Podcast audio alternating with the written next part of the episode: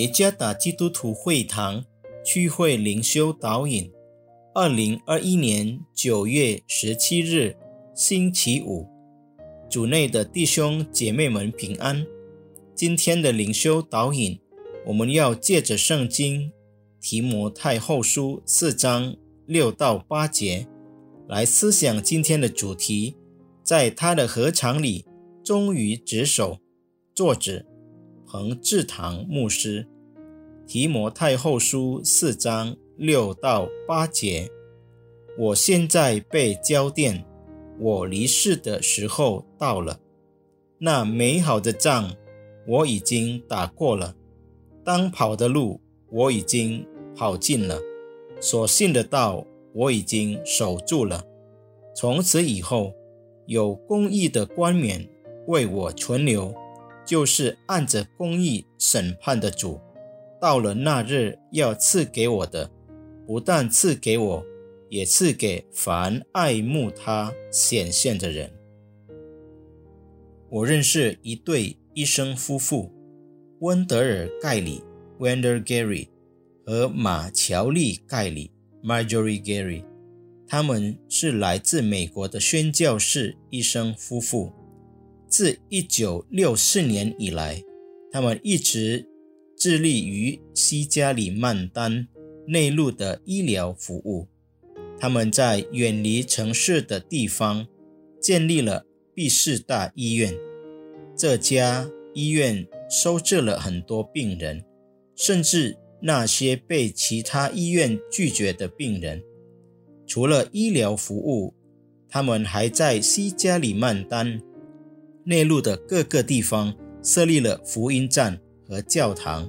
Wender Gary 和他妻子的贡献树立了一个很好的榜样。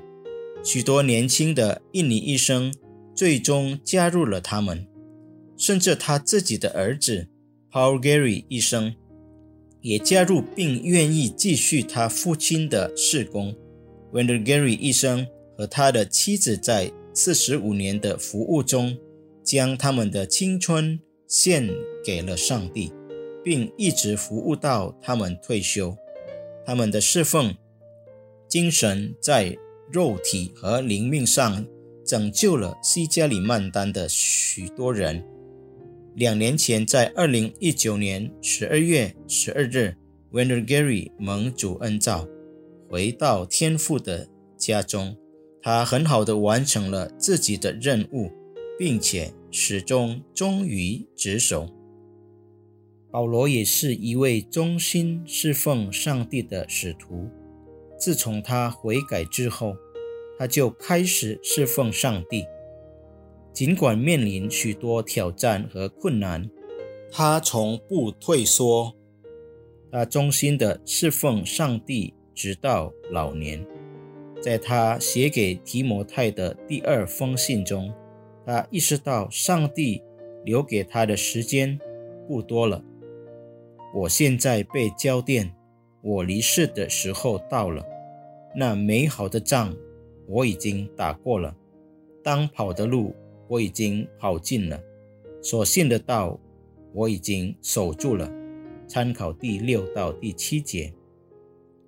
换句话说，保罗想说他已经很好的完成了他的事工。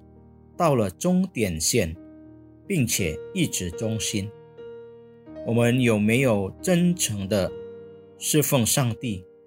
是否直到今日，我们仍然忠心的侍奉他吗？有些人最初积极的侍奉，但最终离开了侍奉。愿我们毕生忠心侍奉上帝，像 Gary 医生和保罗一样。从始至终忠心侍奉神，愿上帝赐福弟兄姐妹们。